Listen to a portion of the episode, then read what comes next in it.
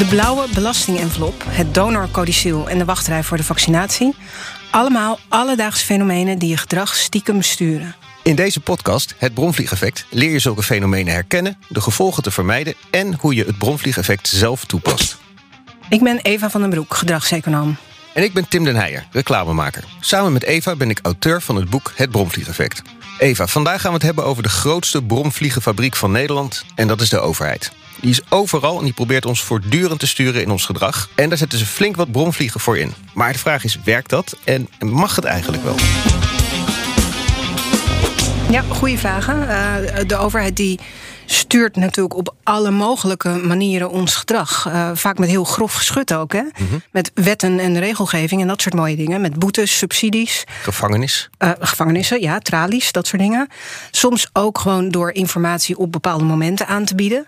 Maar ook inderdaad met bromvliegen. Door middel van nudging, om de vakterm uh, in te zetten. Dus kleine duwtjes die net je gedrag... Ja, of in je eigen belang veranderen. In je lange termijn eigen belang of in het belang van de maatschappij in zijn geheel. Ik denk daarbij bijvoorbeeld aan uh, uh, files. We weten dat als je die pijlen die boven de weg hangen, als je die omhoog zet, scheelt dat 10% van de files. Echt waar? Dat komt gewoon doordat als die pijlen naar beneden staan, dan kijken mensen naar beneden. En dan zien ze dus niet ver voor hen of de voorganger aan het optrekken of remmen is. En dat scheelt echt enorm. Hebben ze echt ook goed uitgetest. Is alleen nog niet overal doorgevoerd, want het duurt even al die borden vervangen. maar ook andere ingrijpender voorbeelden, zoals natuurlijk het donorcodiciel, hoe dat veranderd is van standaard niet naar standaard wel. Dat is eigenlijk een stukje van de overheid wat, wat niet heel zichtbaar is. Hè? Ik denk als reclamemaker denk ik bij de overheid aan voorlichtingscampagnes. Mm -hmm. ja. uh, Postbus 51 vroeger, hè, daar heb ik ook wel uh, commercials voor gemaakt. Maar ook voor gemeentes, hondenpoepcampagnes, straatvuilcampagnes. Ik heb laatst een mooie discriminatiecampagne mogen maken voor een gemeente. Dat is toch vaak uh, voorlichting. Het klinkt dus steeds alsof je voor de hondenpoep en de discriminatiecampagnes maakt. meer discriminatie ja. in onze stad, daar gaan we voor. Nee, dat was dan weer niet zo. Je ziet wel dat de overheid steeds meer ook vanuit gedrag denkt. Hè, dat, ja. uh, dat campagnes veel duidelijker een gedragsperspectief bieden. Van dit is wat we graag willen dat je gaat doen. Uh, bekendste voorbeeld is denk ik de Bob-campagne. Die heel duidelijk maakte wat je dan wel kon doen. Uh, om veilig ja. aan het verkeer deel te nemen. Jammer. Ja, je bent onze Bob. Bob, daar kun je mee thuiskomen. Uh, maar dat is nog wat anders dan die stiekeme bromvliegen waar wij zo van houden. Uh, heb je daar ook ja. voorbeelden van? Nou, uh, ja, ik loop over van de bromvliegen bij de overheid natuurlijk. Maar om te beginnen, één voorbeeldje van een onbedoelde bromvlieg. Of eigenlijk een, een verkeerd uitgepakte bromvlieg. deze heeft mij namelijk heel sterk geraakt. Ik ben nou ja, lang geleden, een mensenleven geleden, probeerde ik samen met mijn ouders uit te vinden hoeveel studiefinanciering ik nou bij zou moeten lenen om een fatsoenlijk studentenleven te gaan leiden. En er werden toen, ja, er waren een soort van webformulieren. Dit was eind jaren negentig, oh mijn god. Waarin twee opties stonden. De eerste optie was: wil je, hoeveel wil je lenen? Maximaal. En de tweede optie was iets anders, namelijk. En dan kon je zelf invullen hoeveel je wilde lenen. Het venijn, het bromvliegje, zat er maar in dat een of andere webontwerper al het kruisje had gezet bij maximaal. En van mijn jaargang heeft dus ongeveer 77% van de mensen maximaal lenen aangekruist. Ze hebben namelijk dat stipje helemaal niet verschoven. Het stond er al, dus het leek heel normaal. Dat stipje was er natuurlijk niet door de minister gezet. Het is er gewoon door uh, de webmaster op een van de twee plekken blijven staan. Die heeft het er op een gegeven moment ook weer uitgehaald. Daar heeft iemand onderzoek naar gedaan. Het bleek daarna, toen het stipje weg was, dat nog maar 11% van de mensen maximaal leenden. Dat stipje heeft dus onbedoeld enorme effecten gehad op de studieschuld van mijn generatie. Ja, dan zou je kunnen zeggen, dus moet een minister zich met de plek van het stipje gaan bemoeien. Het grote probleem alleen van het soort dingen wat we ook in deze podcast bespreken, mm. is dat het kleine, alledaagse, onopmerkelijke dingen zijn die opeens grote impact blijken te hebben. Ja. Je weet natuurlijk niet van tevoren dat dit zo'n ding gaat blijken te zijn. Dat is best wel lastig dus om dit een plek te geven in beleid, denk ik. Ja, beleid is bijna medicijnwetenschap. Het is natuurlijk net zozeer dat je moet kijken naar wat het effect is van wat je aan beleid maakt en wat er aan kleine bromvliegjes ingeslopen is. En dat je dus moet testen op ja, hoe pakt dit uit in de praktijk. En dat type experimenten doen, dat is wel waar de overheid nu de afgelopen ja, 10, 15 jaar echt heel hard mee bezig is gegaan. Uh, we halen het nooit bij de Chinese overheid natuurlijk. Die uh, heeft geloof ik een experiment met 2 miljoen boeren gedaan. Om uh, te kijken hoe je gewassen op een bepaalde manier kunt telen of verbouwen. Mm -hmm. dat soort getallen komen we geloof ik niet aan. Maar ja, het klein uitproberen van wetswijzigingen of uh, gewoon hoe iets in de praktijk uitpakt, al is het maar zo'n webformuliertje of een belastingaanslag, uh, hoe die vormgegeven is, dat is natuurlijk wel heel goed te doen. En dan zie je meteen, als je een beetje naar de getallen kijkt, wat eruit komt, hoe goed het werkt, of het geen onbedoelde bijeffecten heeft. En dat kun je natuurlijk voor kleine dingen doen. Mm Kun je ook best voor heel belangrijke dingen laten eh, doen. Dus bijvoorbeeld um, heb je een uh, sollicitatieplicht als je in de bijstand komt of een uitkering krijgt. Of heb je die niet? Wat is eigenlijk in het belang van degene die die uitkering aanvraagt? Ja, ik heb best wat te doen eigenlijk soms met de overheid. Omdat uh, ze doen het nooit goed. Aan de ene kant wil je dus dat ze dingen gaan proberen. Zoals met dat stipje, dat hadden ze veel eerder moeten proberen. Wat is het effect daarvan? Aan de andere kant vind het allemaal heel naar als de overheid op ons experimenteert. Ja. Dat, is, dat is ook weer. En, uh, het zijn net vaccins, hè? Ja, precies. Ja. Nou ja, met, met COVID heb je dat ook gezien. Natuurlijk, ja. iedereen uh, had langs de zijlijn een mening. Wij hadden ook wel een mening daarover. We hebben daar ook over zitten mm -hmm. appen en zitten praten. We waren allebei ook, denk ik, een beetje terughoudend om meteen een grote blog te schrijven met zes dingen die ze anders moeten doen. Omdat we zoiets hadden van laten we eerst eens kijken wat er gebeurt. He, dan weet ja. je of iets werkt met het. Het was natuurlijk onbetreden terrein allemaal. Alles wat er het afgelopen jaar is uitgevonden. Nou, en ik wil dat toch ook één keer nog in deze periode hebben gezegd: ik ben geen viroloog, maar. en daar zet ik dan achter. Ik vind eigenlijk als reclamemaker dat de overheid best wel dingen goed heeft gedaan. Ook wel dingen die in het bedrijfsleven soms fout gaan. Dat is misschien ja, een beetje tegendraads. Maar ik vind uh, het benadrukken van positief sociaal bewijs. Grote dank aan iedereen die in het achterliggende mooie paasweekeinde uh, de regels heeft uh, nageleefd. Geweldig dat zoveel mensen vol hebben gehouden. En daar ben ik blij mee, want alleen zo houden we de situatie in de ziekenhuizen onder controle. Het had heel goed een valkuil kunnen zijn om te zeggen: Oh, zoveel mensen doen het niet goed. Kijk nou toch hoeveel mensen het verkeerd doen. Dat is een groot probleem. Ja. Nou, dat hebben ze niet gedaan. Uh, andere is concreet gedrag. Steeds duidelijk maken wat je moest doen. Hoe vaak hebben we niet horen zeggen: We werken zoveel mogelijk thuis. We houden anderhalve meter afstand. Uh, handen wassen. Hoesten en niezen in onze elleboog gebruiken we papieren zakdoekjes en schudden geen handen. Ja, er was een handelingsperspectief, dat was heel concreet. Mis ik soms ook wel eens in, uh, in andere campagnes, ook van, concreet, hè, van de commerciële ja. partijen. Wat wil je nou eigenlijk dat ik doe? Ja, soms wel heel erg op het verkeerde moment. Ik denk nu aan die keer dat ik op de snelweg reed en dat daar boven hing: uh, blijf thuis. Ja, dat was op dat moment niet echt een goede optie. Nee, maar ja, ja zo'n bord natuurlijk op op een plek waar je denkt dat veel mensen het gaan zien. Ja. ja. Maar ik ben het daarmee eens hoor. En derde is dat, dat werken met die stappenplannen. Er was een hoop kritiek op, maar toch iets in kleine stapjes hakken, en duidelijk maken waar het naartoe gaat. Ik vond dat een aantal dingen waarvan ik dacht, helemaal niet zo gek gedaan. Maar ik vooral uh, ja, toen ik op mijn vingers, uh, wanneer ik op mijn vingers aan het bijten was, ik vond dat er heel lang te weinig getest werd. En dus ook dat mensen te weinig werden opgeroepen om te gaan testen. En ik had het idee, ja, als mensen dat niet willen, het is ook een, een beetje een nare procedure. Mensen zijn er misschien bang voor als ze het nog nooit hebben gedaan. Uh, ja, dan kan je toch veel harder belonen. Je kunt uh, in Amerika werd er, geloof ik, op uh, hoe heet zoiets, campuses, werd er echt gewoon geld uitgedeeld aan mensen. En echt 3.000, 4.000 euro als mensen in een rij van vier maanden na elkaar elke week een negatieve test konden laten zien. Die manier van belonen klinkt heel belachelijk. Het is ook wel een hele dikke bromvlieg natuurlijk, zoveel geld. Maar als dat nou een goedkope manier is om ervoor te zorgen dat universiteiten, campuses weer open kunnen. Nou, en langzaam zijn we dat hier natuurlijk ook wel gaan doen.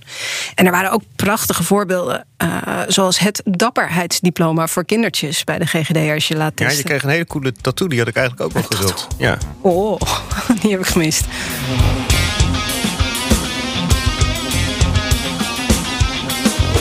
Vraag over wat je net zei. Je hebt toch ook zo'n verdringingseffect dat als je goed gedrag wat er al is gaat belonen, dat je dat dan uh, juist een beetje onderdrukt? Ja, je haalt met een beloning haal je eigenlijk de sociale intrinsieke motivatie die mensen hebben, uh, misschien wel weg. Er zijn ook allemaal voorbeelden van, van beloningen die eigenlijk fout uitpakken. Dus een ander soortige prik dan die vaccinatie. Uh, maar als mensen bloed geven bij de bloedbank. Daar is in verschillende landen is er mee geëxperimenteerd wat er gebeurt als je mensen daar een beloning voor geeft. Dus echt uh, 7 euro of gewoon een klein geldbedrag. Het idiote was, daardoor kwamen er dus minder mensen opdagen. Want ze dachten, ja, 7 euro, hallo, mijn bloed. Dat is echt wel meer waard.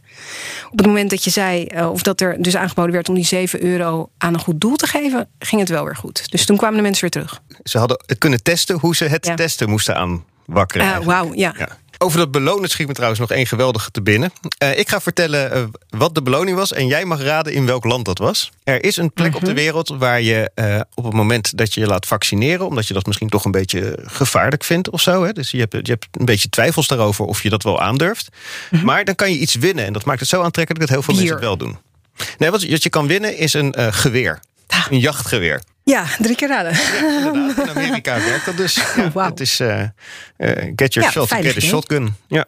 Ander ding dat met COVID te maken heeft... waar wij over gediscussieerd hebben, is AstraZeneca. Mhm. Dat werd teruggetrokken vanwege een hele kleine kans op trombose. Ja. Medisch gezien kan je heel erg afvragen of dat een goede beslissing was. Uh, Ja. Maar wij kijken er een beetje verschillend naar. Ja, ik kijk naar deze toch wel heel medisch hoor. Had mij die prik eh, aangeboden en ik had hem met liefde genomen. Ik had het idee zelf dat er dat hier gewoon een gevalletje was van eh, risico tegen elkaar afwegen. Ja, dus vanuit de overheid gezien is het natuurlijk eng om te, om te zeggen... door die prik zijn aanwijsbaar die drie doden van de hele wereld gevallen. Als het dan jouw schuld is, dan voel je je erg, erg beroerd. Aan de andere kant, je kan moeilijker tellen wie er allemaal doodgaat... aan het niet krijgen van een prik. Dus ik denk dat dat een verkeerde risicoafweging is geweest. Oké, en wat ik eigenlijk zag was in een periode waarin heel veel mensen die geen antivaxers of zo zijn. Eh, een beetje bezorgd waren over hoe snel die vaccins ontwikkeld werden. Ja. Zag ik een overheid die een signaal afgaf. Als er grote twijfels zijn, dan doen we het niet. Wat misschien wel ontzettend goed voor het vertrouwen was. Ja, We gaan het hier niet over eens worden tijdens deze podcast. Benieuwd wat de luisteraars vinden. eh, gooi het lekker op Twitter. Ja, ja, ik, ja, nee, ja, ik zag eigenlijk wel eh, mooiere manieren. Ik, ik heb zelf dus drie uur in de rij gestaan voor eh, een prik. Dat was gewoon omdat er een verstoring was natuurlijk. Maar het was super gezellig. Iedereen ging een beetje vertellen. De, je zag dus die rij staan. Het leek wel de iPhone store met de nieuwe iPhone die uit was of zo. Eh, ja, het was eigenlijk een heel goed een signaal van hoe graag mensen dit wilden hebben. Ik wilde hem ook alleen maar liever nadat ik twee uur in de rij had staan. Dus we moeten eigenlijk kunstmatige rijen stimuleren. Precies. ja. Heel veel van wat de overheid doet, heeft met dat hele concrete gedrag te maken. Met Ja. waar we het net over hadden: hondenpoep, vuilniszakken. Soms gaat het goed, soms gaat het minder goed. Ik heb eh, bij het eh, gebouw waar ik woon een, eh, een paar plekken waar je je vuilnis in kan doen. Ja. Die zijn vrij snel vol. En daar zitten stickers op met vuilnis naast de bak. Ik dacht het niet. Oh ja, ja, en je ja. ziet eigenlijk het, het stilzwijgende antwoord van de Amsterdammers daarop is: Uh-huh. dacht het wel. Want het staat dan helemaal vol met vuilnis. En dat werkt natuurlijk aanstekelijk. Hè? Dan denk je, ja, moet ik nou naar boven als het vol blijkt te zijn? Of kan mijn doos er ook nog wel bij? Ik zag er nog een voorbeeld van in het Vondelpark. Daar. Hebben ze een dag lang al het vuil verzameld, op een hele grote hoop gegooid, om te laten zien hoeveel vuil er Oh. wel niet wordt weggegooid. Wat een gedragsmatig Nou, verschrikkelijk goed ja. idee. Oei. Precies, het is juist wel van eh, iedereen die met gedrag bezig is, zegt dat moet je niet doen. Nou maak je het slechte gedrag maak je zichtbaar en je maakt Ja. het normaal. En zelfs ik kreeg zoiets van, ja, ik ben ook eigenlijk wel een beetje een lulletje rozenwater. Dat ik dan altijd op zoek ga naar de vuilnisbak. Au, ja, nee, nee, ik heb juist mooie voorbeelden van het tegendeel gezien, ook in Amsterdam. Dus er Mhm. zit daar wel iemand die aan het, eh, aan het uitproberen is. Ehm, de plastic bakken, waarin je nog tot voor kort eh, plastic moest scheiden, die ehm, hadden een soort van doorzichtig venstertje, zodat je kon Mhm. zien dat alle andere Amsterdammers ook lulletjes rozenwater waren, die wel degelijk netjes hun plastic daarin gooiden. City of lulletjes rozenwater. Oké, dus dat is een voorbeeld van iets wat echt goed werkt. Ja. Wat mij ook verbaast, en dat heb ik misschien heb ik daar ook wel eens cynisch over gedaan voordat ik dat wist, zijn die, eh, die blije gezichtjes als je je aan de snelheid houdt. Dat Ja. die dus goed blijken te werken. Ja, het lijkt alsof er in, in verkeer en inrichting daarvan, alsof daar een heel effectieve eh nutjes, bromvliegjes zijn toegepast en, eh, en uitontwikkeld. Dat, dat doen we natuurlijk ook al heel lang. Mensen de goede kant op sturen, fysiek. Nee, ik weet dat, eh, dat doet me altijd denken aan een grap van Herman Vinkers. Dat is, eh, die heeft dan een routebeschrijving en dat is bij het bord u rijdt te snel, moet je linksaf. Ja. maar schijnbaar werkt zo'n blij gezichtje dus wel. Mensen gaan er rustiger van rijden. Heb je enig idee waarom het zo is? Ja, het is eh, persoonlijke positieve feedback. Dat doen energiemaatschappijen ook. Je krijgt een complimentje als je het goed doet. Het is heel duidelijk waarvoor. Ja, zo voed je ook kinderen op, toch? Ja, En hij werkt beter dan een flitspaal schijnt. Ja. Oké, dan is wel de volgende vraag natuurlijk. De overheid is je onbewust aan het sturen. Is dat nou oké of leven wij in een soort 1984 dystopie? Ja, je hebt het snel over manipulatie. Hè? Als je mensen iets wil laten doen wat niet in hun eigen belang is, maar wel in het algemeen sociaal belang, waarvan ze ook nog niet doorhebben dat ze die kant op worden geduwd, dan gaat het wel behoorlijk die eh, dystopische kant op. Ja. Ik denk aan de andere kant, ja, het niveau waarop we nu mensen goed gedrag dat in hun eigen belang is, eh, proberen te laten vertonen, dat is eigenlijk iets wat nou ter nauwernood op kan tegen alle pijlen die de verkeerde kant op staan, die door marketeers uh, worden gemaakt. Dus ik denk dat we daar nog uh, eigenlijk heel terughoudend in zijn. Er zijn ook eigenlijk, ja, mensen hebben het vaak over de twee voorwaarden waaraan uh, dit type bromvliegjes voor de overheid moet voldoen. Het moet gedrag uitlokken waarvan als, je, als degene die het gedrag vertoont het zou weten, het ook graag zelf zou willen doen.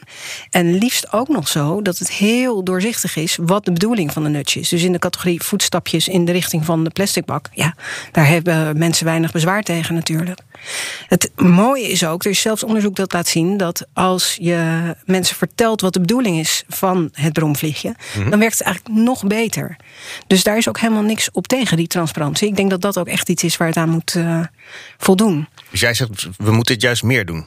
Ja. vanuit de overheid. Ik denk eigenlijk dat er op dit moment, ja, nou ja, wat mij betreft, wordt al het beleid zo goed getest als uh, een zakje chips bij de Albert Heijn, zeg maar. Ik denk echt dat we daar nog heel veel in kunnen verbeteren in hoe uitvoerbaar bepaalde inderdaad webformulieren, zoals die waar ik zelf in trapte, zijn. En wat het effect is van kleine verschillen daarin. Ook natuurlijk in de fysieke omgeving van mensen. Maar ik denk eigenlijk dat dit allemaal nog maar het kinderspel is in vergelijking tot wat ja, de, de echte gedragsknoppen zijn waaraan de overheid kan draaien. Want dat zit eigenlijk nog veel eerder in het beleid. Dat zit eigenlijk op het moment dat er een wetsvoorstel naar de Tweede Kamer gaat. Ja, dan moet er nagedacht worden over: is dit eigenlijk wel te doen voor de uitvoerders? Is dit ook te doen voor de mensen die het gedrag daadwerkelijk daarna, die het belastingformulier moeten invullen of die de toeslagen moeten teruggeven of wat dan ook? En ik denk dus dat er op die manier, echt aan het begin van, de, van het beleidsontwerp, dat daarmee heel veel eerst in het klein uitgetest zou kunnen worden. Met eventueel iemand die wat van gedrag weet ernaast. En dan daarna langzaam groter opgeschaald zou kunnen worden. En op die manier voorkom je heel veel uh, uh, zeer. Ik zie een uh, Rijksdienst voor bromvliegen. Met oh. misschien wel een minister van bromvliegzaken. Oh. En ja, ik, ja, dat moet toch zeker een vrouw worden, denk ik dan. Maar als je nog een staatssecretaris zoekt, dan. Precies. Ben ik beschikbaar.